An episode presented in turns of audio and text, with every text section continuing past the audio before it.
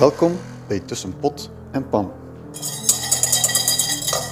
Mijn naam is Sven. Ik ben een kok die praat met koks.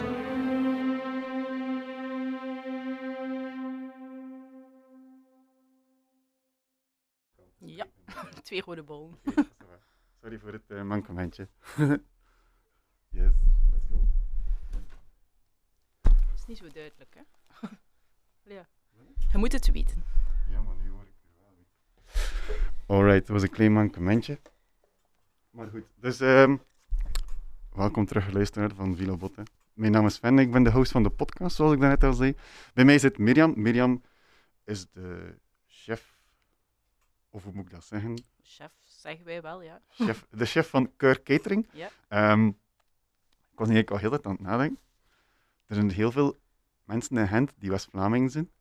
Maar ik heb nu een keer een Gentenaar naar West-Vlaanderen gebracht. Zo waar, zo waar. Maar kijk, ik heb eh, gewandeld van het station naar hier en het blijft wel een supermooie stad. Ja, vooral goed in de micro Ja, spreken. ik ga Je een kunt gerust de micro een beetje zijn. Yes. Goed, dus ik, ik wou eigenlijk beginnen met het goed nieuws en het slecht nieuws van de dag. Ja? Eh, het goede nieuws is, want daar had je achter gevraagd, het goede nieuws is, ehm, als alles goed gaat, kunnen we op 1 mei het feest van de horeca doen. ja, dat is En zo een fantastisch. heel zijn. lang feest, feest van houden, hoop ik. Ik denk dat het feest dan echt wel gaat losbarsten. Ja, ja. Dat gaat ongelooflijk zijn. Kunnen we misschien een keer kort eh, omschrijven wat dat voor jullie gaat zijn? Want jullie zijn een cateringbedrijf. Mhm. Ik ga ervan uit dat dat waarschijnlijk nog geen feesten gaan zijn op 1 mei of de eerste paar weken voor 50 of meer mensen. Ja. Ja, Bij de mogelijk aangekondigde versoepelingen hebben ze alleszins nog niets gezegd van events die zouden mogen doorgaan met catering. Dus wij gaan ervan uit dat dat inderdaad in het begin nog helemaal niet het geval zal zijn. We hebben wel met Keur Catering eh, Gaston Rooftop, Ja, ja, ja, ja. die normaal enkel juli en augustus open is. Maar we hebben vorig jaar ook al vroeger open gedaan. En nu zal het dus waarschijnlijk vanaf 1 Ja. mei of heel snel het restaurant Gaston zijn dat open gaat. Plus dat wij de uitbetting doen van het Stamcafé. Ja. Ehm, dus aan het Museum Stam op de Bijlokensiete is er een eh, goed draaiend café dat wij eh, sinds vorig jaar hebben overgenomen. Eh, daar is ook heel veel geïnvesteerd in nieuwe inrichting, een groot terras. Dus daar hopen wij toch ook wel meteen aan de slag te kunnen. Mhm. En de bedoeling is van eerste keer hoogstwaarschijnlijk zes of zeven op zeven open te doen, middagavonden, alles eruit halen, al het personeel weer aan de slag kunnen zetten. ja, want er zit wel wat personeel bij jullie. Ja, wij waren denk ik met 35 voltijdse equivalenten. En nu, sommige mensen zijn zelf al een andere richting uitgegaan. Sommige mensen hebben ook moeten laten gaan, helaas. Ja, ja. Ik denk dat we nu nog met iets van een 27 zijn. Dus dat is nog altijd heel veel. ja. En ook een deel freelancer waarvan ik ook ooit deel was. Inderdaad, we doen heel veel beroep op freelancers, Ja. zelfstandigen. eh, want ja, een keer dat er weer feesten gaan doorgaan, we doen soms vijf, zes feesten op één dag in, Ja, in ja, ja. drukke weekends. Eh, gecombineerd met die restaurants zal het van deze keer weer alle hands aan dek zijn. Op die catering en events zou ik heel graag straks nog een keer verder gaan. Ja. Omdat dat wel een keer interessant is. Want we hebben nu al, ik heb nu tenminste al heel veel gasten gehad die vooral op restaurants zijn. Dus ik ben blij dat ik er eh, geen Ja. restaurant is en Ja. een keer de andere zijde van de, van de, van de horeca, zeg maar. Ehm, het slechte nieuws. Eh, mijn mimi is vorige week overleden. Wat Ja. dat heel jammer is, natuurlijk. En. Ehm, voor mij was mijn mimi heel belangrijk in die zin. En ik denk dat dat voor heel veel mensen zo is. Ehm, door mijn mimi. Mijn mimi had een, een taverne in Kruishoutem. Mhm. En ja, die, die was heel belangrijk voor mij, omdat ik daar heel veel jeugd, allee, veel van mijn, van mijn dagen in de jeugd wel gespendeerd heb. En, en door haar, zeg maar, een beetje, door, door, door dat begin, ben ik een kok geworden. Dus ik Ja. vond dat wel heel interessant.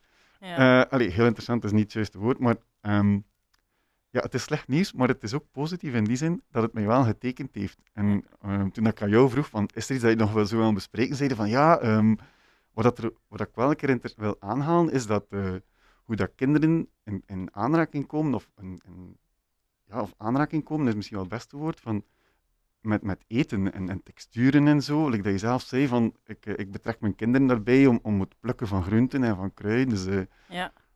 zo leg ik al denk met wat we straks nog een keer kunnen vertellen. ja. Maar wat dat je zegt, eh, die herinneringen, hoe dat zo begonnen is met bepaalde geurherinnering dat je hebt, of gewoon dat je uitkeek van, ah, ik mag bij mijn mimi gaan eten, wat gaat het zijn? Ik vind dat zoiets ongelooflijk verrijkend als Mhm. je dat hebt meegekregen. Als je als kind dat niet hebt meegekregen, dan is dat toch een, ja, in mijn ogen een soort van handicap. Oké, voor mij is eten en smaken superbelangrijk, dus voor andere mensen zal het waarschijnlijk minder belangrijk zijn. Maar gewoon het gegeven van samen aan tafel zitten, samen op restaurant te gaan, al Mhm. van jongs af aan, vanaf dat ze heel jong zijn al mee op restaurant. Dat is gewoon zo'n rijkdom. En inderdaad, ik heb eh, een abonnement op een eh, weiveld. Dat is eigenlijk een veld dat door boeren... ehm, dus ja, eh, zeer lokaal bij mij om de hoek, bij wijze van spreken, kan je daar eh, via een abonnement zelf gaan plukken. Mhm. Dus jij zelf doet het werk niet, eh, wat dat wel handig is als je niet zoveel tijd hebt. Eh, maar je, je, je steunt wel het project, dus je betaalt op voorhand. Dus de boeren hebben gegarandeerd inkomen op voorhand. Eh, het is uiteraard zeer lokaal, het is ook Ja, ja, ja. biologisch. Ehm, het, is, het is gewoon leuk omdat je zelf aan de slag gaat voor dat uit te trekken. En is inderdaad op weg naar, eh, ik heb twee kindjes, naar de route. Het ligt op de route naar school. Aha. En dan is dat vaak stoppen en dan kunnen, lopen zij daar rond. En dat is fantastisch, hè? zelf frambozen plukken en zitten ze al vol met aardbeien in de mond. Zo, jongens, kom, we moeten verder doen. Het is Eh, een, en het zo is een soort ze. van, van Ja. andere speeltuin. Inderdaad, ja, ja, ja, ja De zeker. meeste speeltuinen, zoals hier in het Astridpark, is zo met eh glijbanen Ja, en schommels. Ook leuk. Wat dat Ja. zeker leuk is. Ja. Als wij op reis gaan, dan gaan we altijd, eh, zelfs mijn vriendin en ik, als we op reis gaan, we hebben geen kinderen, gaan we ook altijd een keer op een speelpleintje Ja. de, het eh, kleine kind gaan uithangen. Ja, daar hangt Maar- altijd een goede sfeer. Ja, tuurlijk, tuurlijk. Ehm, Zeker Nee, maar ook zo, als je dan bijvoorbeeld, ik zeg maar iets, een minder bekende groente of een minder kindvriendelijke groente hebt geplukt en, ge- en gemaakt dat dan s'avonds klaar, dan zijn ze sowieso veel meer geïnteresseerd. Ah ja, maar we hebben dat daar juist samen geplukt, ik ga dat zeker proeven. En Ja, zo leren ze gewoon van alles proeven. En ik vind altijd zo frappant hoe weinig dat kinderen, allee, heel veel van mijn vrienden of collega's, hun kinderen, die, die krijgen gelijk apart eten. Dus er wordt gekookt, zo appelmoes met kip voor de kindjes. En Ja. bij mij is dat gewoon, iedereen eet alles. En, en ze moeten minstens proeven en dat is gewoon zo belangrijk. Ja, En als je bijvoorbeeld aan mijn dochter van eh, bijna zes vraagt wat haar lievelingseten is, dan eh, zegt ze, ah ja, pasta met inktvis en kreeftjes. Allee, snap je? Dus, dus, die zijn gewoon mega gastronomisch. Allee, ja, dat is zo gewoon superleuk. Mijn zoon is dan iets meer zo de, de, de normalere keuken, zal het maar zijn. Maar dan toch zegt hij niet appelmoes, maar rabarbermoes. Dus dat is dan toch weer dat verschil. Ja. kre- kreeft in de week op de, op de menu. hè. Ja, maar zij noemt dat kreeft, maar eigenlijk zijn dat dan gambas of zo. Allee, ja, maar Ah, voor haar oké, is dat... ja, Ja, ja, ja, ja. ja. Nee, nee, nee. Ik zou anders wel denken, amai, kreeft, eh kan het niet zijn Nee. dat ik er nog gegeten heb. Nee, maar het is wel leuk dat we daar... eh, dus we gaan daar zeker straks nog een keer een beetje op verder gaan, eh, want ik had zo'n paar onderwerpen opgeschreven dat ik Mhm. het zo wil over hem. Maar eerst en vooral eh, wil ik nog een keer terugkomen op Keur Catering. Ja. Ehm, zoals ik daar al zei, ehm, de meeste gasten zijn hier koks die in een restaurant staan. En iedereen weet, restaurant, dat is gewoon, je gaat daar binnen, je bestelt iets, heet iets en dat is zo het re- restaurant. Maar Ja. wat moeten mensen bij catering voorstellen voor iemand die er totaal niks van weet? Ja. Dus wat wij eigenlijk doen is ehm, een gastronomisch eh, menu of vaak walking dinners of recepties verzorgen op locatie. Dat kan Mhm. zijn in vaste feestzalen, maar dat kan ook bij mensen thuis in de tuin zijn, in een tent. eh, alle mogelijke. We hebben al op de meest erbarmelijke plaatsen ons plan getrokken. In een keukentje van twee op twee moeten koken voor 400 mensen. eh. dus dat is een groot verschil aan de catering, is dat er gewoon je komt ergens toe en je moet je plan veel meer trekken dan in een restaurant. Ehm, wij doen wel onze voorbereiding in Mariakerke bij Gent. Ja, ja, dus ik denk dat ongeveer 80% zeker gemise en plast wordt eh, bij ons dan in het magazijn. Ja. En van daaruit vertrekken wij met verschillende camionetten naar locaties. Maar dan eh, is het eh, soms ja, behelpen met de middelen die je hebt. Ook stel dat er dan mensen, zoals steeds meer voorkomt, met een allergie opduiken die het niet op voorhand hebben doorgegeven. Dan zit je wel met veel beperktere middelen. Want je hebt geen frigo vol met alternatieven om open te trekken, Nee, om iets te improviseren. Maar dat is wel het leuke ook. Dus ja, veel van ons kiezen voor de catering, omdat dat gewoon zo veelzijdig is. Ehm, het is altijd iets anders. De ene dag kunnen we aan het koken zijn voor een minister met vijf topambtenaren. De dag daarna zijn een hamburgerfeest voor 200 man aan het doen. Dan filmfestival, tien dagen vol een bak. ehm, Duizenden mensen bedienen. Dus het is altijd iets anders. En de combinatie bij Keur Catering met dan onze vaste restaurants zorgt er eigenlijk voor dat wij voor veel mensen Hans het jaar door, normaal gezien, werk hebben. Ja, ja. Dus ehm, ja, ook de structuur is helemaal anders. Hè? Zoals dat je daar juist zei van, ja, ben je nu chef of niet? Ja, de, de titel chef in een restaurant is heel duidelijk. Dat is iemand die de bestellingen doet, aan de pas staat, alles onder controle heeft. Wij zijn zodanig gegroeid dat, dat je dat niet meer zo klassiek Nee, kunt nee, zien. nee. Dus ja, ik heb zogezegd de titel chef. Ehm, ja, ik ben meer manager van het keukenteam misschien. Ik kan beroep doen op twee supergoeie souschefs. Wel, we gaan juist Ja? heel even inpikken. Mhm. Het voordeel is natuurlijk wel dat ik zelf al Mhm. veel, kom, allee, veel dat ik al redelijk een paar keer ben komen helpen. Dus, en dat vind ik wel heel leuk aan jullie systeem. Dus ehm, als ik verkeerd ben, moet je het mij zeker zeggen. Maar jij managt vooral alles. Ja. Dus ehm, bij jullie een feest hangt zo... Dus de, dat moet wel goed voorbereid worden. Meestal de dag ervoor. En dan gaat dat, wordt alles mooi voorbereid in een keuken met allemaal personeel. En, en Mhm. dan inderdaad, like zegt, er zijn twee chefs, eh, Steve en Sven. Ja. En ehm, wat ik zo cool vind, dus we smor- 's morgens kom daartoe, meestal 8 uur 30, 9 uur. En Steve of Sven of allebei staan aan de muur met, met de blaadjes van elk feest. Wat er, en eh, er wordt dan ook, ja, er moet zoveel van dit gemaakt worden, zoveel van dat. En dan staat Steve en Sven daar en dan zegt hij, ah, hij doet het, hij doet dat. Mhm. en, en zo, dat is wel heel goed georganiseerd bij jullie. En dan ook, elk feest heeft een bepaald kleurtje en dan. Ja. Gaat er naar een tussenfrigo, dus eh, ik vind dat... Ja, het is een systeem dat organisch gegroeid is, waar er nog altijd veel fout in zit. Want we zijn eh, 2019 en 2020 enorm gegroeid. Mhm. Het is echt heel snel heel groot eh, geworden. Waardoor dat wij ook, plot- bijvoorbeeld, zoals dat je zegt, die feesten, dat hangt allemaal uit aan een muur. Ja, onze muur was te klein, hè. Ja. Dus dat is gewoon, hangt er dan met twaalf feesten naast elkaar. Je hebt niet genoeg kleurenstickertjes. Dus op den duur is het wel, ja. En we gingen normaal onze keuken verbouwen, maar toen kwam corona. Dus nu ziet het er niet naar uit dat dat de eerstvolgende jaren nog op programma staat. Dus dat is wel een beetje een tegenslag, zal ik maar zeggen. Maar eh, organisatie is cruciaal. Ja, ja, ja. Ook, eh, je hebt dan in de afgewerkte frigo staat per kleur het feest. Mhm. Maar dan moet de kok ook de discipline hebben als hij inlaat om alles goed te controleren. Want een keer dat je daar in Brussel of verder zit, dan Ja. heb je gewoon zo weinig marge om eh, ja, nog iets te regelen, zal ik maar zeggen. Ja, ja. En dat is dan puur keuken, maar dan heb je nog anders het logistieke luik, dat uiteraard bij de catering gigantisch belangrijk is. Eh, de keuken wordt op voorhand geïnstalleerd door de logistiekers. Wat Mhm. moet er allemaal mee? Hoe zit dat met de stroom? Oké, zaalpersoneel, welke meter hebben we? Van waar gaan we mise en placers of extra personeel halen voor in de zaal? Dus het is, het is een, ja, veel vergaderen ook om te zorgen dat iedereen die zijn branche een beetje leidt, dat, dat we allemaal op dezelfde golflengte zitten. Dus eh, en dan nog een keer de combinatie tussen meer creatieve mensen versus mensen die ook die organisatie er echt wel moeten insteken en secuur moeten zijn. Ja, ja. Dus eh, ja, super uitdagend. Het, het- Allee, ik weet niet nog dat, dat, dat is, eigenlijk, omdat ik er zelf ook in sta, maar ik kan, het kan me wel inbeelden voor iemand die er totaal niks van weet. Het is, het is echt wel een hele organisatie. Dus, eh, En je moet, moet heel goed voorbereid zijn.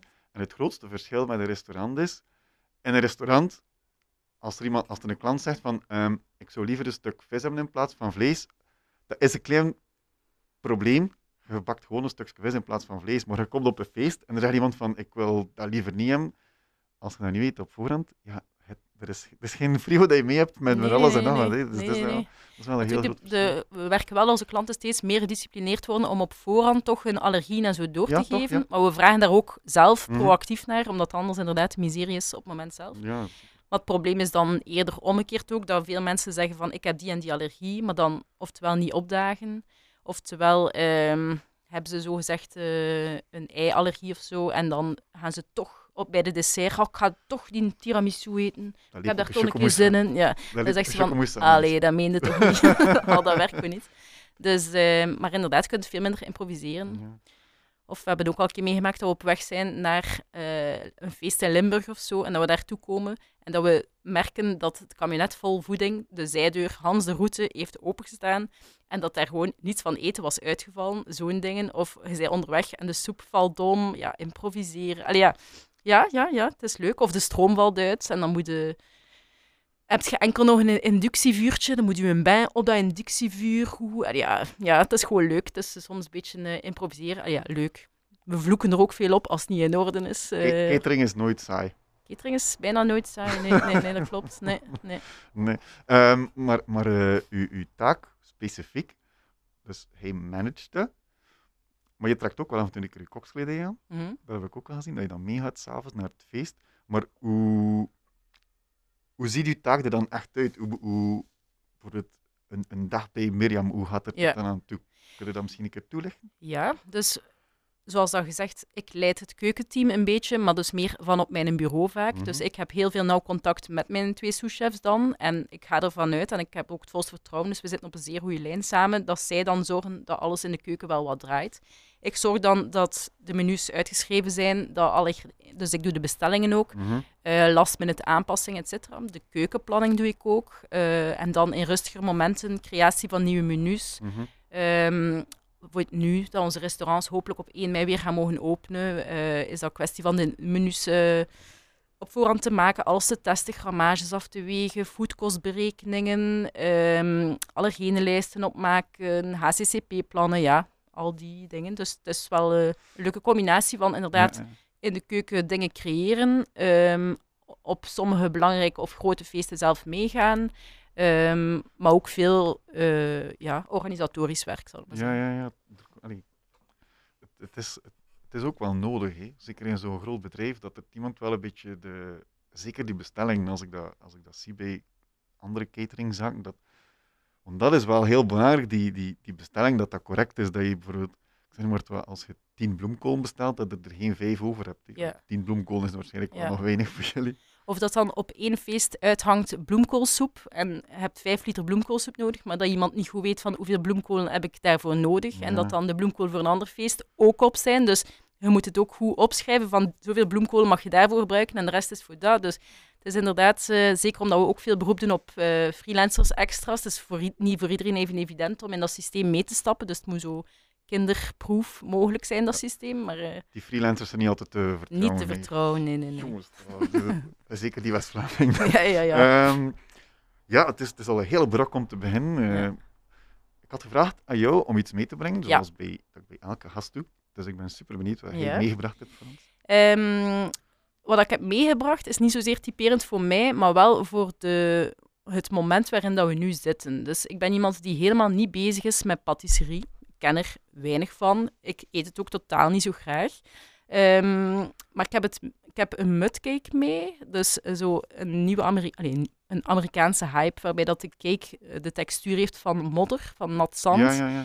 Ehm, waarom heb ik dat mee? Ik had eh, een recept gezien van een mudcake van mandarijn, waarbij dat ze die mandarijnen dus volledig drie keer opkoken, Mhm. het, het water afgieten om de bitterheid eh, toch een beetje uit de schil te halen. Maar dan, de laatste keer kook je die mandarijnen eigenlijk volledig plat, met schil en al. Aha. En dan ga je dat gewoon mixen. En dat is een deel van je, je liquide bestanddelen in je cake. En dus dat, dat past ook wel bij het- de visie dat je naar food waste toe, dat je gewoon alles Ja, kan gaan gebruiken. Dat vond ik super interessant. En daarnaast heb ik dan nog, ehm, toen had- ik dus die coulis zo gezegd van mandarijn. En dan heb ik nog een mocktail gemaakt met een eh, pittige kruidensiroop en gember in. Dus dat is eigenlijk zo wat, ik ga Allee, ik lees veel recepten of ik, Ja. ik informeer mij veel, eh, maar ik ga nooit bijna klakloos een recept maken. Dus ik heb dat nu wel gedaan met die mudcake. Dus totaal buiten mijn comfortzone. Maar dan blijft er altijd wel iets hangen. Dat vind ik altijd wel interessant. Voor die mandarijn, oh ja, dat is eigenlijk super dat je dat gewoon, als je dat een paar keer opkoopt, volledig pureert. Dat is Mhm. perfect bruikbaar. En dan, oh ja, wat ga ik daar een keer mee maken? En dan in, thuis alles opentrekken en daar iets mee fabriceren. Dat is eigenlijk wat ik het allerliefste doe. Met citroen kan je dat ook, hè. Met citroenen, met eh, in, appelsine. een, eh, in een glazen bokaal, plasticfolie erover. En ik denk, eh, ik dacht drie keer 30 seconden in de microgolf. Ja? En dan kun je dat ook pureren. Maar het is wel heel bitter natuurlijk, maar het is een heel mooie gladde puree van citroen. Ik zou het Mm. even opzoeken. Het is, van Ah. een, het is van een restaurant in Chicago, Alinea. Het staat ergens in een boek, maar ik dacht dat het in een microgolf is. En dan kunnen we er een heel mooie, gladde, eh, ja, lichtgele puree van Ja. maken. Een beetje suiker moet je er ook Ja. waarschijnlijk bij doen. Maar goed, ja, eh met cake. Dus ja, mudcake en, ehm, en die mocktail. Dat heb ik meegebracht. Ehm, als je nog vijf minuten kunt verder babbelen, dan ga ik al proeven. Ja, proef jij maar. Dus, eh, ik ga, ik ga een beetje improviseren. ja. Kijk, Sven is nu een stukje aan het proeven. Nee, maar dat vind ik superleuk nu tijdens corona, is dat ik echt wel tijd heb gehad om ook thuis, ja, de, de, ik hoor dat veel koks er nu mee bezig zijn in de vorige podcast, zoals zuurdesem, brood bakken, fermenteren, je eigen zuurkool maken. Eh, dat zijn allemaal dingen waar dat zoveel tijd, allee, niet per se zoveel tijd in kruipt, maar je moet er een beetje mee bezig zijn en dat is gewoon, eh Er zit er wel niet veel suiker in. Hè? er zit nogthans redelijk wat suiker in. Hè? Maar het is niet super zoet. Het is niet super zoet, ja. Ik ben ook Misschien absoluut door de geen balans tussen mandarijn, die bitter mandarijn, Ja, ja. mandarijn. En het zit ook eh, zure room in, dat een beetje voor een lichte zure toets zorgt. Dat vind ik wel tof. Ja, het is goed. Is Ja. goed. Voilà. Dan moet ik u een beetje van de mocktail uitschenken. We kunnen dat straks nog een keer Ja, doen. straks. Dat is ideaal. Ehm, die mandarijnen vond ik wel interessant, omdat je, ehm, dat je zelf zegt, je gebruikt praktisch alles. Want wat doen de meeste mensen met een mandarijn? Pelletje eraf, de billetjes en waarschijnlijk als het kan een beetje, van, een beetje veel van dat wit eraf, want Ja, dat is sowieso. lekker. Ja, ja, ja. Ja. Ehm, had mij ook verteld van ja, food waste vind ik belangrijk. Nu, het is al een paar keer teruggekomen bij andere koks. Mhm.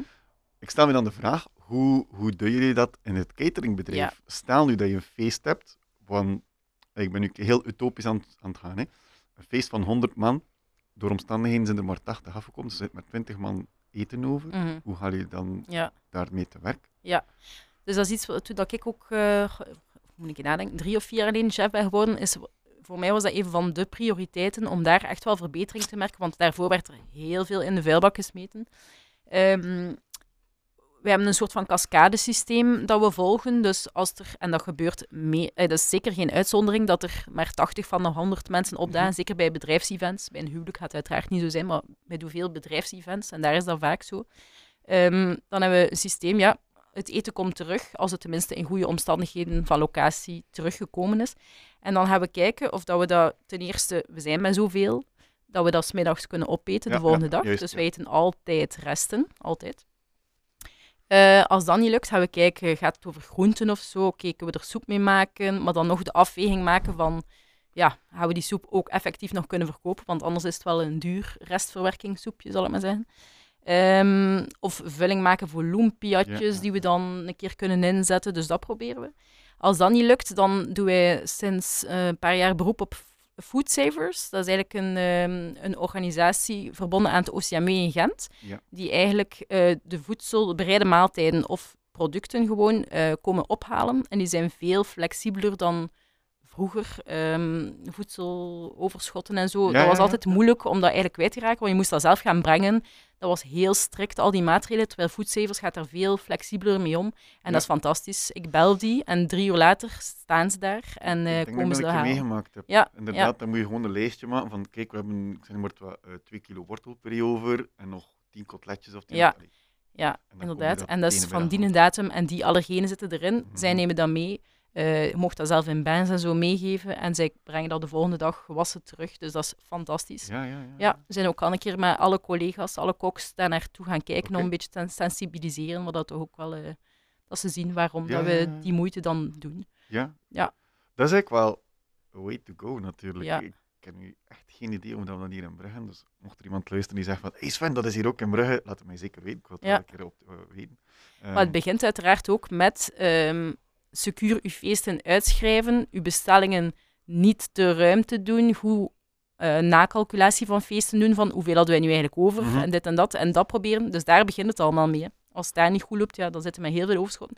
Maar we ja. proberen eerst al goed te starten, en als er dan dingen over zijn, ehm, ja, dat, die, dat watervalsysteem zelf opwerken, zelf opeten, foodsavers. Maar wat ik nu wel gemerkt heb, dus like dat je zelf zegt, een bedrijfsfeest van 100 man, kun je er wel een keer van uitgaan dat er niet altijd 100 man gaan aanwezig zijn. Mhm. Bij een huwelijk kun je meer hebben van, ah ja, maar er komt nog 20 man na het dessert of tijdens het dessert. En, en eh, wat ik ook al gemerkt heb, als je zo een receptie doet na een concert, dat dat ook wel stelselmatig mindert. Ja. Ehm, we hier al een paar keer in het concertgebouw een eh, caterings of receptie moeten doen, zo na tien uur. En dan weet je ook wel, oftewel moet je het heel snel doorgeven. Ja. Dus- ja, dat blijft zo een moeilijke, want voor hetzelfde geld zijn ze daar wel allemaal tot het einde. ja, ja, ja. En ja, de klant betaalt er ook wel voor, dus het is Tuurlijk, moeilijk. tuurlijk, tuurlijk. Dus, ehm, maar voor het, allee, bij het filmfestival van Gent, eh, dat wij elk jaar cateren, komen de mensen eigenlijk pas na de film, dus rond tien uur, Mhm. pas in tenten, waarbij dat ze nog een volledige walking dinner of receptie aangeboden krijgen dan. Eh, waarbij dat wij dan ook met het filmfestival hebben afgesproken van misschien moeten we die aantallen op het einde toch een klein beetje naar beneden halen, want ja, het is gewoon zonde als het allemaal over is. Hè. Ah, wel, ja. Ja, zeker, Je moet zeker. wel een beetje alles afwegen en het moet ook wel correct blijven, hè, natuurlijk. Ja, inderdaad. Ehm, want, like dat je zegt, je wil niet met, met veel eten weer naar huis gaan, ook al hebben ze ervoor betaald. Maar te weinig is zeker ook niet oké. Nee, nee, nee. Nee, nee. Ehm, hoe ben je bij Keur eigenlijk terechtgekomen? Ehm, Ja, ik zal misschien even kort zeggen. Dus ik ben eigenlijk historica van opleiding. Dus ik ja, heb, ja, ik dat eh, ook nog vragen. Ja, ja, ja. Ik heb master eh, in geschiedenis. een master in geschiedenis. Ja, ja, Daar ja. gaan we het zeker straks nog een keer over hebben. Dus als we het er straks over hebben, zal ik dat gewoon even zeggen. Dus de- na mijn universiteitscarrière, zal ik maar zeggen, wat, daarin was ik al heel veel bezig met eten. Ik ging heel veel op reis ook, heel veel inspiratie opdoen op reis. En ja, koken, koken, koken, alles wat klok slaat. En dan ben ik eh, een eenjarige opleiding Spermali gaan doen. Mhm. En dan ehm, ben ik eigenlijk daarna bijna meteen, nee, meteen bij Keur terechtgekomen. Ehm, omdat ik eigenlijk specifiek wel zocht in de catering-sector, niet Mhm. zozeer in een restaurant. Ik was dan ook al iets ouder. Ik wist sowieso ook al van, ja, ik wil ook wel een gezin starten. eh, dus dat is niet altijd even evident in de restaurantwereld. Dus voor mij was dat heel duidelijk. En dan ben ik direct terechtgekomen. Ik voelde me daar meteen eigenlijk in mijn sas.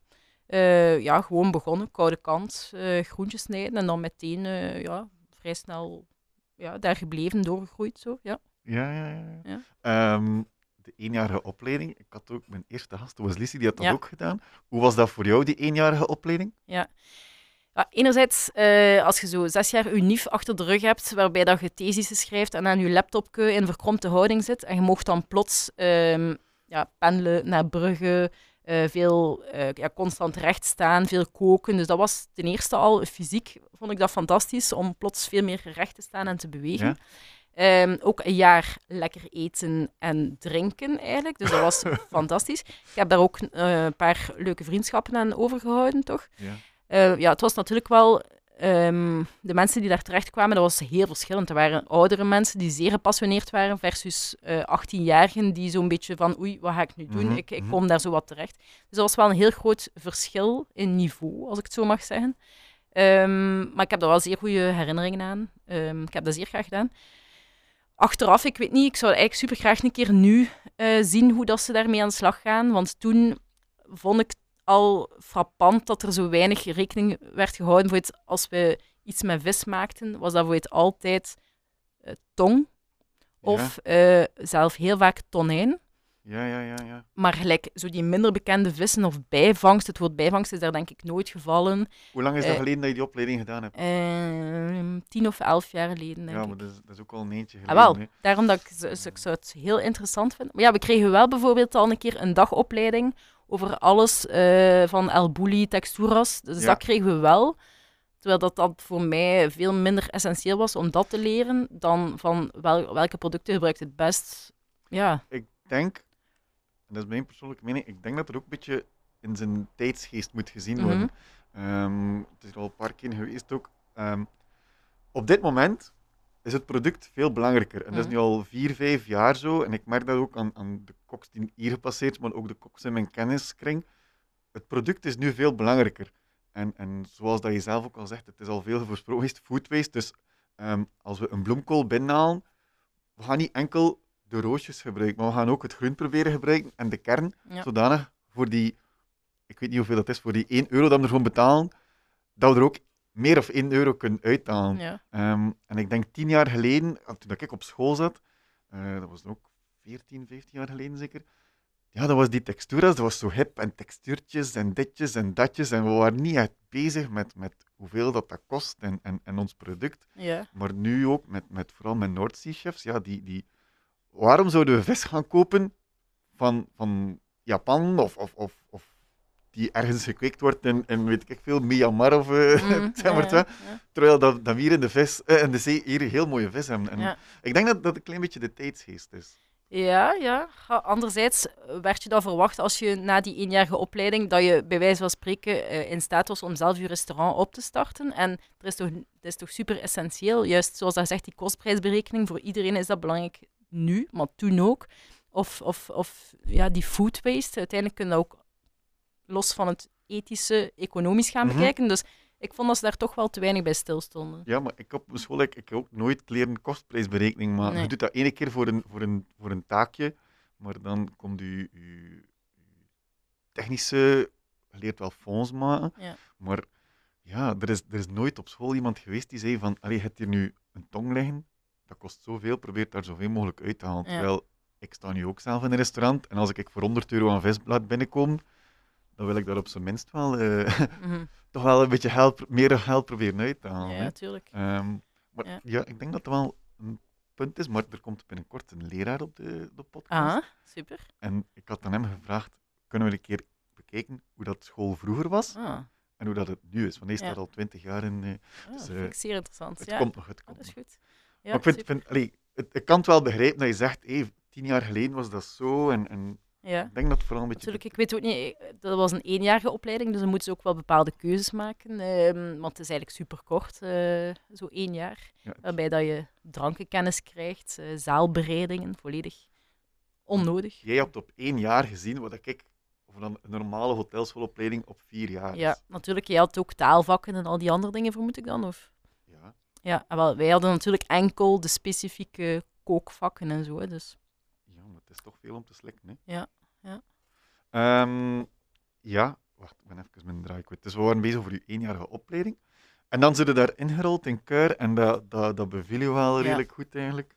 Maar Ja. Keur is ook echt zo, ook al zijn we een groot bedrijf, echt wel zo'n soort van familiebedrijf. Ja, Iedereen, ja, iedereen hangt echt wel nauw aan elkaar. Ik heb eh, ook op een bepaald moment, ehm, als ik, was ik souschef, ehm, en dan ehm, was ik zwanger geworden, had ik mijn eh, eerste kindje gekregen, en dan zag ik het even niet meer zitten, die drukte dit en dat. En dan had ik ehm, geopperd van, mag ik niet een keer de piste gaan bewandelen van dat creatieve nog meer? Dus Ja. nog meer de recepten te gaan uitwerken, nog specifieker, omdat we toen ook veel aan het groeien waren en er was daar eigenlijk te weinig tijd voor. Mhm. Dus daar heb ik eigenlijk zo gevraagd van, mag ik mijn eigen functie een beetje creëren, namelijk eh, meer testkoken, et cetera, gecombineerd met eh, kookworkshops geven. Ja? En dan hebben mijn bazen mij daar ook ja, echt wel de vrijgeleide in gegeven. Ik heb dat dan een jaar en een half gedaan. Ja. Daarna eh, was ik terug ja, in vorm, zal ik maar zeggen. En dan ben ik dan chef geworden. Dus zij vol, ze zijn zeer sociaal en ze, ze beseffen ook wel, soms moeten we die persoon een keer meer laten zijn of haar ding doen. Maar dat gaat ons ook wel ten goede komen achteraf. Ja, dus, ja, ja, ja, ja. dus eh, ja.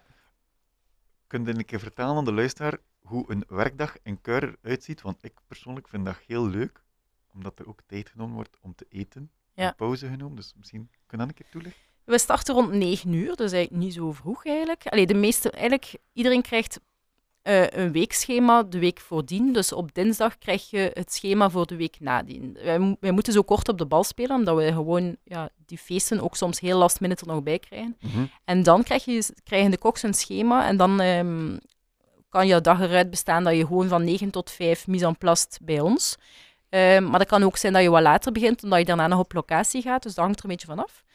Eh en dan is het eigenlijk, ja, zoals dat je zei, krijg je van de souschefs taken die je uitvoert. En smiddags eten we dus die resten waarvan sprake dan op. Eh, ja, iedereen zit dan samen eigenlijk te eten. Ehm, wat altijd wel een leuk moment is, even eruit zo. Dus daar maken we wel tijd eh, en ruimte voor. Eh, en dan ehm, zijn er bepaalde chefs die op locatie moeten vertrekken. Dus dan is dan alles controleren. En dan is dat met de verschillende kabinetten gaan uitrijden. Het feest eh, in goede banen leiden. Dan terugkomen. Alles nog uitsorteren van voeding Mhm. en van vuil materiaal. Want er is ook wel heel wat afwas bij ons. eh, dus eh, dat is wel de moeite. Ehm, ja, zo, zo te- ziet de dag er voor de kok uit eigenlijk. En om 11 uur en om 3 uur is er 10 minuutjes pauze. Ja, rookpauze. Ja. Zeer belangrijk in de horeca. Ja, maar ik, vind, ik vind dat wel opmerkelijk, want ik heb nu al voor een paar cateraars gewerkt en, en hoe dat jullie dat doen, ja, ik kan dat enkel maar beamen. Misschien prijs ik het een beetje te veel in de lucht, maar ik vind dat, like dat je zegt, het is een familiebedrijf en zo houdt uw personeel ook gelukkig. Ja. Dat hier Felix vorige week en die zei ook, zegt hij, bij La Durée, wij nemen ook tijd om te eten Mhm. en er was tijd om, om samen te zitten, om dingen te creëren. En als je, als je een beetje, hoe noemt dat dan, is dat dan inclusief zijn? Als je wat inclusief bent op die manier, dan, dan is je personeel ook gelukkig. Gaan ze ook langer blijven. Ja, maar dat denk ik dat onze zaakvoerders zich zeer bewust van zijn en dat dat wel... Allee, ze zijn gewoon zeer warme mensen die het echt wel goed voor hebben voor iedereen. Dat Ja. is echt wel opvallend. Ja. Oké. Het is leuk om voor te werken, zal ik maar zeggen. En als je graag herfst dan doe je je best. En eh, het is een wisselwerking, dus eh, Ja, maar ik heb ook Ja. graag voor jullie gewerkt. Ja. Ik hoop dat dat wel nog een keer terugkomt. ja, maar hopelijk. Hè. We we zullen zien dat wel nog hoe dat... inderdaad. dat, eh. Ehm, master in geschiedenis. Ja, Ik ga heel eerlijk zijn, ik, eh, ik ken er niks van. Ik heb gewoon een hotelschoolopleiding gedaan, maar ik vind het super interessant. En vertel een keer aan mij, wat moet ik mij daarbij voorstellen? maar ik denk dat mensen daar vaak een verkeerd beeld van hebben. Dus jij denkt nu waarschijnlijk dat ik elke slag van buiten ken Nee. jaartal en, en prominente figuren, et cetera. Nee, ik ken er niks meer van. Dus niks. ik heb dat ook niet gestudeerd om dat te kunnen. Ik heb daar gewoon gestudeerd om kritisch te leren nadenken. Mhm. Ehm, ik had een heel goede geschiedenisleraar in het vijfde en het zesde middelbaar. En van onze klas van 30, ik had Latijn-wetenschappen gedaan, van de 30 of zo zijn er 10 geschiedenis gaan studeren. Mhm. Dat was gewoon zo'n fantastische lesgever. En gewoon de actualiteit beter kunnen snappen door het verleden te kennen. Gecombineerd met dat kritisch denken, dat was de reden voor mij om dat te gaan studeren. Ja. En je, ja, geschiedenis is ook een richting waarbij dat je inleiding tot literatuur krijgt, filosofie. Dus je krijgt van alles een beetje mee. Ja. Eh, politieke wetenschappen ook. Dus ja, ik vond dat super interessant. Ja, ik deed dat heel graag. Ja. Wat heb je dan als thesis gedaan? De eugenetische politiek van de Union Minière in Haute-Katanga. Wacht, wacht, wacht, Ja. wacht. Dat is een veel te lang woord voor, Ja. te, voor te Dus onthouden. de Union Minière, dat kan je misschien. Dat was eh, een, ehm, een, bedrijf, een Belgisch bedrijf dat in Congo zat eh, en die daar de mijnen ontgon. Ja? Ehm, Ah ja, meneer, ja, ja. Ja, Union Minière. UMH, Union Minière du Haut-Katanga. En ehm, ik heb het gedaan rond de eugenetische politiek. Dus eugenetica, eh, dat betekent eigenlijk dat eh, er werden daarvoor volledige scholen, volledige gemeenschappen opgericht, waarbij dat die arbeiders van de Union Minière, waarbij dat die eh, arbeiders van de Union Minière Hans hun gezinsleven daar creëerden en dat de Belgische nonnekes eigenlijk in der tijd daar ook echt de, de, de plaatselijke bevolking gingen proberen zo westers mogelijk te maken. Dus zij gingen gaan bepalen van jullie mogen maar zoveel kinderen hebben, wij willen dat jullie zo doen. En ze proberen echt volledig de, de, de ingesteldheid zo arbeidsproductief mogelijk te maken, maar dat ging heel ver. En Ja, eh, ja, ik heb de rol van de Zusters van Liefde, een Gentse orde, daarin bestudeerd. Dat klinkt eigenlijk niet zo positief. Dat klinkt helemaal niet... Nee, maar dat is eh, een, zwarte, een deel van de zwarte geschiedenis van België. Ja, Ja. Maar het is ook alweer zo lang geleden, dat is ongelooflijk. ja. Ja. maar toch, het is wel belangrijk om dat te weten nu. Ja, ja, Dan zeker. kun je ook een beetje herleiden tot waarom dat er nog bepaalde dingen eh, niet opgelost zijn. En zo zoveel gevoeligheden daaromtrent zijn. Ja, ja. Ben je dan ook ter plekke naar Congo geweest? Nee. Vooral... Ik heb in die archieven vooral gezeten van die Zusters van Liefde. Ah, ja. ja. En dat was in Gent, zeg je. Ja, inderdaad. En eh, wat houd je daar nu nog aan over? Van die thesis en die masteropleiding? Mm, ik denk dat kritisch denken. Ja. Zo eh, niet te zwart-wit proberen denken. ehm, tolerant proberen zijn. Zo'n dingen. Dat ik daar, oké, dat is niet per se aan die opleiding dat je dat overhoudt, maar toch zo niet. Maar ja, zo, wat ik soms in de horeca toch wel frappant vind, is zo van, dat ze soms van die tijdens de rookpauze van zo'n bouwde stelling gaan, gaan zeggen van en dat is zo en dit en dat. Ja, dan. Er is soms weinig plaats voor nuance in de horeca, vind ik. Of, of Ja, kan je daar of misinformatie of zo. eh, ja, Ehm, het, is, het is weer even weggevallen, maar dat komt wel in orde. Ehm, nee, maar ik kan, kan wel begrijpen wat je zegt, omdat het, eh, het, het, ehm, zeker nu in deze tijd wordt er heel veel luid geroepen.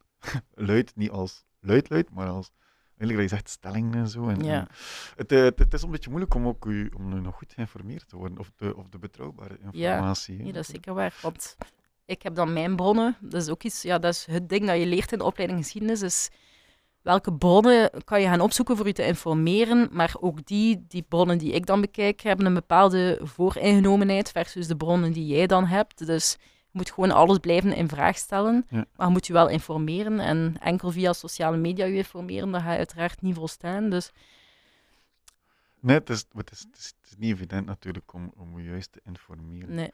Ehm, ik vond het is wel leuk dat je dat een keer vertelt. Maar je hebt ook een master in bedrijfseconomie. Ja. Dat kun je waarschijnlijk wel heel veel gebruiken, of echt eh, ehm, specifieker gebruiken, of niet? Dat was een, dus, eh, als je een master hebt op de universiteit, kan je eigenlijk heel snel een manama doen, dus een master na master. En dat is eigenlijk Ja. één jaar dat je daar nog een keer bovenop kan doen, waarbij dat je eigenlijk zo'n soort van shortcut neemt. Dus je kan ook op een normale manier master bedrijfseconomie worden, maar je kan dat ook via een kortere manier zo'n manama doen. En dat heb ik eigenlijk gedaan, dus was op één jaar, dat was wel gigantisch waar. Eh, ja, alle, ja, alles in verband met economie, bedrijfseconomie gedaan, eh, boekhouding, Dat was Maar- zwaarder dan die eenjarige opleiding in Spermali. en harder dan mijn vier jaar geschiedenis samen. dat kan ik u wel verzekeren. Ik deed dat eigenlijk ook niet zo graag. Ik deed dat niet graag, maar ik heb dat dan even volhard, omdat ik dat dan toch ook in, in mijn pocket Ja, had, ja. zal ik maar zeggen. eh. En heb je dan ook een thesis moeten doen? Ja, maar ik weet zelf al niet meer over wat. En dat zegt wel genoeg over het feit dat ik dat eigenlijk echt niet graag deed. hè. Het was iets marketingachtig. Ik weet het niet meer. Het was niet leuk. Nee, het was niet leuk. Dus ik heb het al vergeten. Ja. Beter de, de Ja, zusters van liefde. Ja. Of de zusters Maar dat was dan meer met het idee van als ik ooit zelfstandige zou worden of zo, dan heb ik daar ook al een beetje kennis over eh, en, en dat Maar- in mijn zak. Ik denk wel dat je, dat je het nu kan gebruiken als, als ik zo... uw functie als manager van de keuken, dus like dat al juist gezegd hebben, je moet wel bezig zijn met, met producten, met inkomsten, met facturen die moeten betaald worden, met feesten die moeten genoeg opbrengen en al. Dus Ja, dat is zeker niet... niet nee, sowieso. Hè. Ja, ik vind eh, ja, van elke opleiding hou je gewoon iets over. En, en bij geschiedenis is dat meer dat kritisch denken. En bij Mhm. dat economische is dat gewoon een beetje meer voeling krijgen met cijfers. Ehm, ja, het belang van dat echt wel goed bij te houden, je kosten, je uitgaven. Dus een beetje die eh, ja. heb ik wel zeker meegenomen. En je had me ook verteld dat je dan nog weekendwerk deed. Ja, dat Was, was, dat in die, op, was die in die masteropleiding of was dat ervoor? nee, dat was tijdens mijn eenjarige opleiding van Ja, ja. Spermali. Ah, ja, ja, ja, juist, ja. Ja. En eh, het, het grappige was dat die zaak heet eh, NZET. Ja. En er komt nog een woordje achter. En ik zei van, ah ja, eh, nooit zal een teerling En dan, wat komt er dan nog achter? Nooit zal een... goh, eh, het is voor de... Nooit Ja. zal een teerlingworp het lot bepalen of Ja, zoiets. inderdaad. Ja, en dat was een, dat was een, een zaak, als ik me niet vergis, in... ehm, Eerst de Ottogracht en dan zijn ze naar de Oudburg verhuisd. ja. Ja. Ja, ik- maar ik weet geen straatnaam Gent. Ah ja, ja. Maar ik weet wel dat, ik- waar ik naartoe moet Ja. ongeveer. Dicht bij Ja. Paterzol, echt in het Ja, centrum. daar. centrum, ja, inderdaad. Ja. ja, dat was eigenlijk een superzaak. Ehm zeer atypisch, denk ik, die zaak. Dat was van chef Mauro, heette hij. Die daarvoor ehm, in Merelbeke, hij woonde daar ook, eh, een sterrenzaak had. Mhm. Maar dat was blijkbaar wat dispuut met die eigenaar. En ik, hij was het ook Hans en Michelin gedoe een beetje beu, al die regels. En dan is hij eigenlijk NZ begonnen. Dat was Mhm. eigenlijk een, eh, een ongelooflijk intrigerende kok. Ja. Dat was echt zo nog de, de kok die naar de vroegmarkt ging. De menu lag gewoon niet vast. Hij wist niet op voorhand wat je ging krijgen. Dat was dan gewoon, er is een viergangen menu van de chef. En dat was dan afhankelijk van de producten die hij meebracht van de vroegmarkt. Ehm, hij was ook iemand die immens veel van wijn wist. Die had daar een enorme wijncollectie. Die kon je ook alles aanraden. En zijn vrouw stond in de zaal. En ze waren zo... Het was ook wel soms bizar, want die maakte zo heel veel ruzie ook. En dan legden die zo... De vrouw legde dan zo'n briefje op de pas van... ehm we zijn een eikel. en dan eh, moest ik dat dan zo doorgeven. ja, dat was heel speciaal. Maar eh, ja, superleuk. Ja, veel van bijgeleerd. Maar het, doet me wel, het, het lijkt me wel zo'n beetje het prototype van veel zaken nu, of wat dat er nu een beetje aan het opkomen is. Like dat je zegt, zo, er is niet echt een vaste menu. En de kok die wel veel weet van wijn. Allee, het is een verhaal dat ik Ja, veel ja, ja misschien was het een beetje vooruitstrevend toen. Want het was ook weet, een kok die heel, eh, met zijn, heel veel met zijn gevoel kookte. Dus als hij een slechte dag had, dan proefde hij dat echt aan zijn eten. Niet dat, dat, je proefde gewoon, als er veel liefde zat, als hij een goede dag had, dan kookte hij toch op een bepaalde manier anders Ja? dan eh, als hij ruzie had met zijn vrouw bijvoorbeeld. Ja, je merkte dat zo. Ja, Ik ben er ene keer gaan eten en ik, ik zie mij juist buiten zitten op het terras en je ziet er toen zo inzet in het groot. En Ja. daarachter stond de koffiemachine. ja, Een gigantische Faema. Klopt? ja. ja. Hij had, hij had de zotste machine. Allee, hij was iemand die echt ook...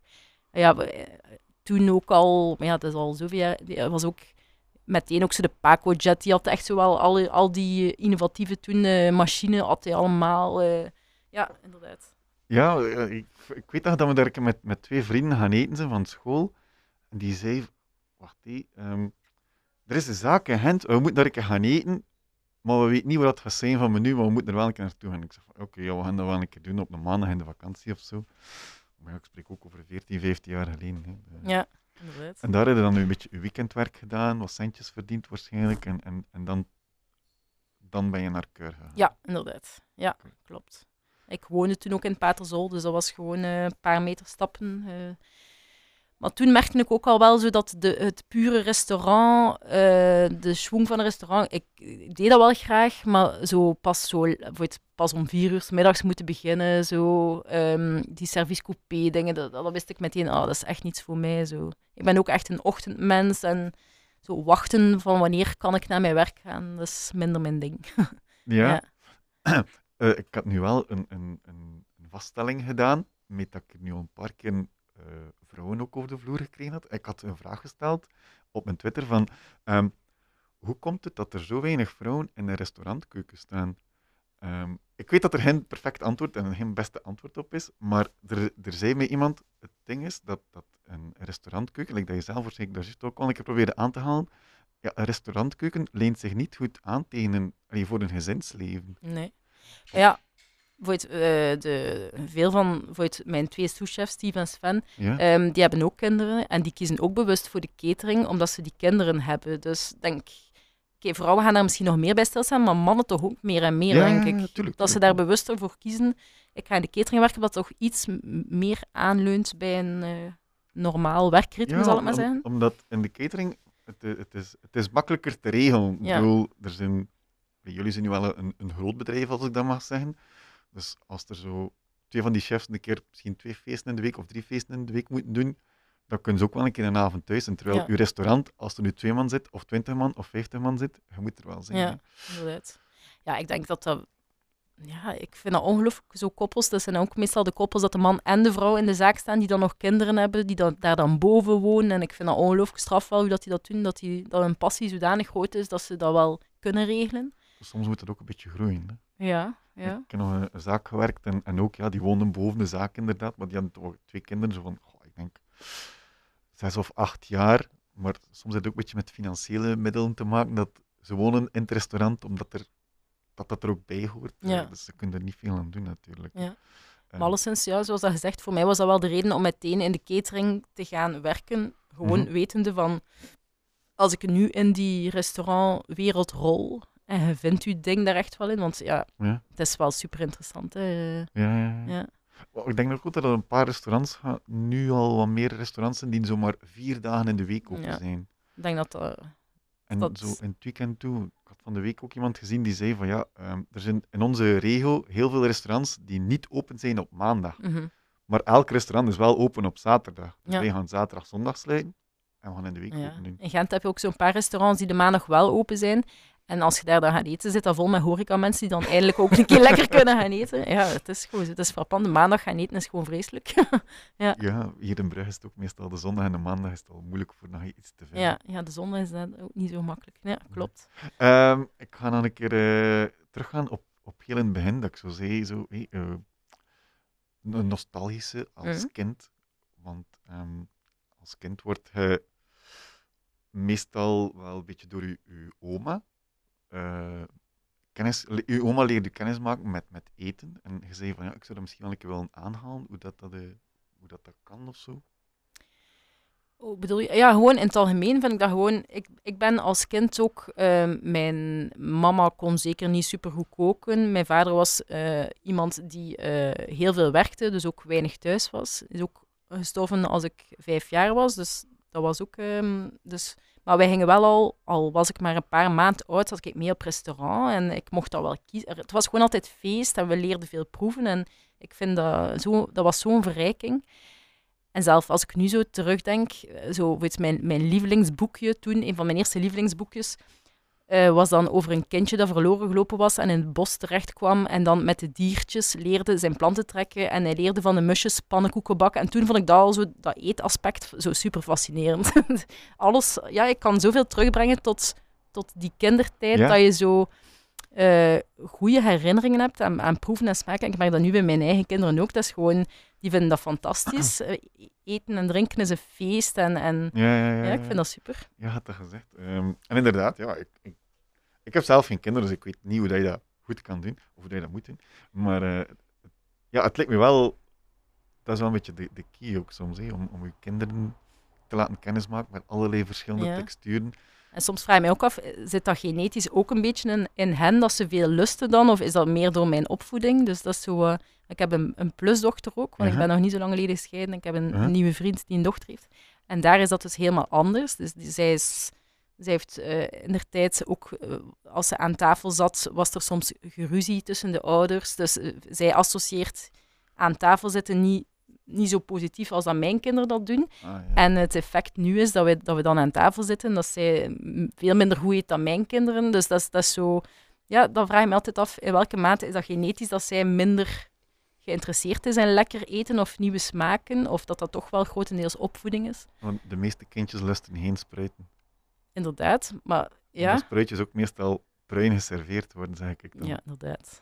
Natuurlijk, die bittere smaak is ook gewoon een natuurlijke afweer. Het is normaal dat kinderen daar Ja. tegen revolteren, omdat ze dat associëren met gif, blijkbaar. Is dat zo? Ja, ja, ja, ja. ja. Ah, dat wist ik niet. Ja, ja, ja. Bij bittere groenten, dus spruit, witloof, Ja? eh, dat is eigenlijk een, een natuurlijke reflex dat kinderen hebben van oei, ik lust dat niet, want dat is giftig. ja, Ja, maar ik, ik lust bijvoorbeeld niet graag witloof als dat warm is. Ik lust wel witloof als dat zo een koud slaatje is. ja, En met spruitjes is het juist hetzelfde. Spruitjes vind ik ook heel lekker als die zo ehm, heel fijn gesneden zijn. Ja. Je kunt er toch een beetje vinaigrette bij doen, Ja. eventueel nog wat, wat als, je, als je dat liggen hebt natuurlijk, wat gepikkelde groentjes. Ja. En dan is dat wel lekker. Maar zo ja, bruin gekookte spruitjes. ja, maar sowieso het koken, allee, ik, snap niet, de bommas die kookten dat eerst en dan nog zo aanstoven, terwijl ik bak dat gewoon van eens keer zo spruiten. Ik heb ook ehm, sinds, eh, sinds de start van lockdown 2 een buiten, zo'n weltevree oventje, kun je dat je kent. Nee. Dus onderaan maak je een klassiek, klassiek houtvuur en dan kan je daar een rooster op leggen voor ja, te grillen. Maar dan eh, glijdt de warmte nog meer naar boven en dan eh, heb je een afgesloten ruimte waar je een pizzasteen in kan leggen. Dus kan je pizza's bakken, maar je kunt daar van alles in doen. Je kunt daar ook bakplaatjes in zetten met bijvoorbeeld spruitjes dan erin of eh naanbrood op die steen bakken en dan spiezen onderaan. Allee, dat zorgt ervoor dat ik ook al superveel buiten heb gekookt en dat is Ja. mega leuk. Maar je betrekt de kinderen wel in het, eh, in het eetmoment. Ja, ja, ja. Dat is misschien wel eh, de, de key tot het kennismaken van lekker eten. Ja. Gewoon eten in het algemeen. Of dat lekker is, dat weten we dan wel natuurlijk. Ja, omdat dat ook zo een beetje allee, openstaan voor nieuwe smaken. Je kunt dat ook zien als openstaan, ja, nieuwsgier, ja, je kinderen nieuwsgierig maken voor nieuwe dingen. Dat is hetzelfde als met je kinderen op reis gaan. Andere invloeden, dingen leren. Dus dat, dat is zo'n bepaald wereldbeeld. Dat is niet enkel zo, ah ja, dan gaan ze veel lusten, maar dat is, dat is gewoon een mentaliteit Mhm, van mhm. geef het een kans, leer het, apprecieer het, geniet ervan. Het is gewoon een breder wereldbeeld Dat misschien. kan ook nog altijd op latere leeftijd komen. Hè. Ik weet dat niet, ja. Ja, mijn vriendin die, die zei bijvoorbeeld van ja, ehm schorseneren. Wij hadden eigenlijk alles in witte saus. eh prei, selder, schorseneren. Wij hadden alles in witte saus. Maar hoe dat hij soms prei maakt of schorseneren, want ik doe voor het schorseneren gewoon goed wassen, maisolie erover, peperzout, eventueel nog wat oregano of zoiets anders, en dan in een oven. En zegt ze, ja, dat is eigenlijk ook wel lekker. En, en Ja. het is ook soms een beetje hoe dat je, hoe dat je het later ook nog ziet. Hè? En dat Ja. kan ook nog je, je smaak, eh, smaak aanpassen. Dat is wel waar. Ehm, Maar dan moet je het inderdaad op latere leeftijd weer een, een kans geven en, eh, en willen proeven en ervoor openstaan. Hè? Inderdaad, ja. Ja, dat Ja. kan nog altijd Maar komen, het is inderdaad, we zeggen soms, ah, door de oma hebben we zoveel geleerd, maar ik hoor ook heel veel, ah, mijn oma maakte dat zo, ik vind dat echt niet lekker. inderdaad, zo van die witte sausvoorbeelden. dat Ja, denk, maar er zijn ook dingen dat ik van mijn oma gezien heb, zoals hutsepot, dat ik nu zeg van, "Hm, dat vind ik eigenlijk niet zo leuk, niet zo Nee, lekker. maar wel, inderdaad. Ja. Ehm, voordat we bijna gaan afsluiten. Ik had ook nog iets meegebracht voor jou, maar ik vond het een beetje jammer dat je dat zelf zei van, eh, maar ik lust niet zo graag dessert. Dus. Maar goed, eh, ik heb een brownie gemaakt. En eh, er zit daar, het is eigenlijk de, de PBG brownie, de Peanut Butter Jelly Brownie. Het is iets dat ik, ehm, ik heb gisteravond pas een beetje in elkaar gestoken, dus ik ben zelf heel zot van brownie. Ja. En ik dacht van, ik kan moeilijk gewoon zo stomme brownies meebrengen, dat is ook maar dwaas. En er zit wel eh, granola in en pindakaas. Ik Ja. heb zo een beetje pindakaas ertussen gedaan en wat confituur van... eh, dus ja, PBG, dat is iets zo typisch in Amerika, zo'n stutje met peanut, peanut butter jelly. Het is nu een peanut butter jelly brownie. Dus ehm, ja, dat is het ongeveer.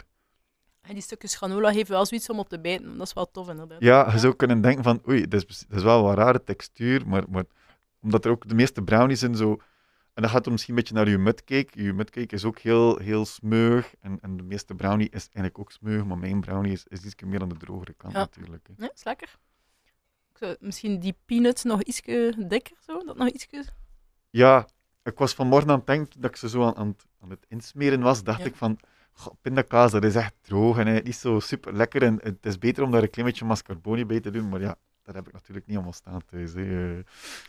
Dus Ja, het- leuk. Het, ik ga het misschien later wel nog een keer Ja. verwerken erin. Ja. Ehm alright, cool. Eh, we zitten al bijna weer aan een, een klein uurtje.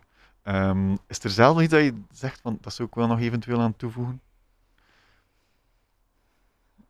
Nee, nee, nee, maar ik ben wel zeer benieuwd naar uw aflevering met die leerkracht om te zien eh, wat de evolutie is in zo'n Ja, ja. opleiding. Dat, dat lijkt me wel heel interessant. Dat, eh, dat staat gepland voor binnen twee weken. Daar. Ja. Ehm, cool. Eh Mirjam, ik ben super, super bedankt dat je wil langskomen en een beetje toelichten over de catering, want dat is Ja. eigenlijk wel eh, iets totaal anders. En ik denk dat er heel veel mensen niet altijd weten hoe dat, dat, hoe dat, dat soms gaat. Want Mhm. we zijn allemaal waarschijnlijk al één of meerdere keer na- in ons leven naar een trouwfeest geweest. En dat, dat denk ik lijkt voor veel mensen zomaar ehm, vanzelfsprekend dat dat allemaal lukt, een trouwfeest van 100, 200 man. Maar eh, er komt wel heel veel organisatie bij kijken. Hè. Ja, en ook dat de mensen soms verschieten van, amai, dat kost zoveel, een trouwfeest of zo. Maar dus als, we dat, al- als je dat allemaal gaat uitrekenen, die, die ingrediënten, dat is allemaal niks, maar het is die organisatie, het is die personeelskosten, logistieke kosten. ehm, Ja, ja, ja. Dus ja, En de logistiek, dat is al van s'morgens dat dat wordt.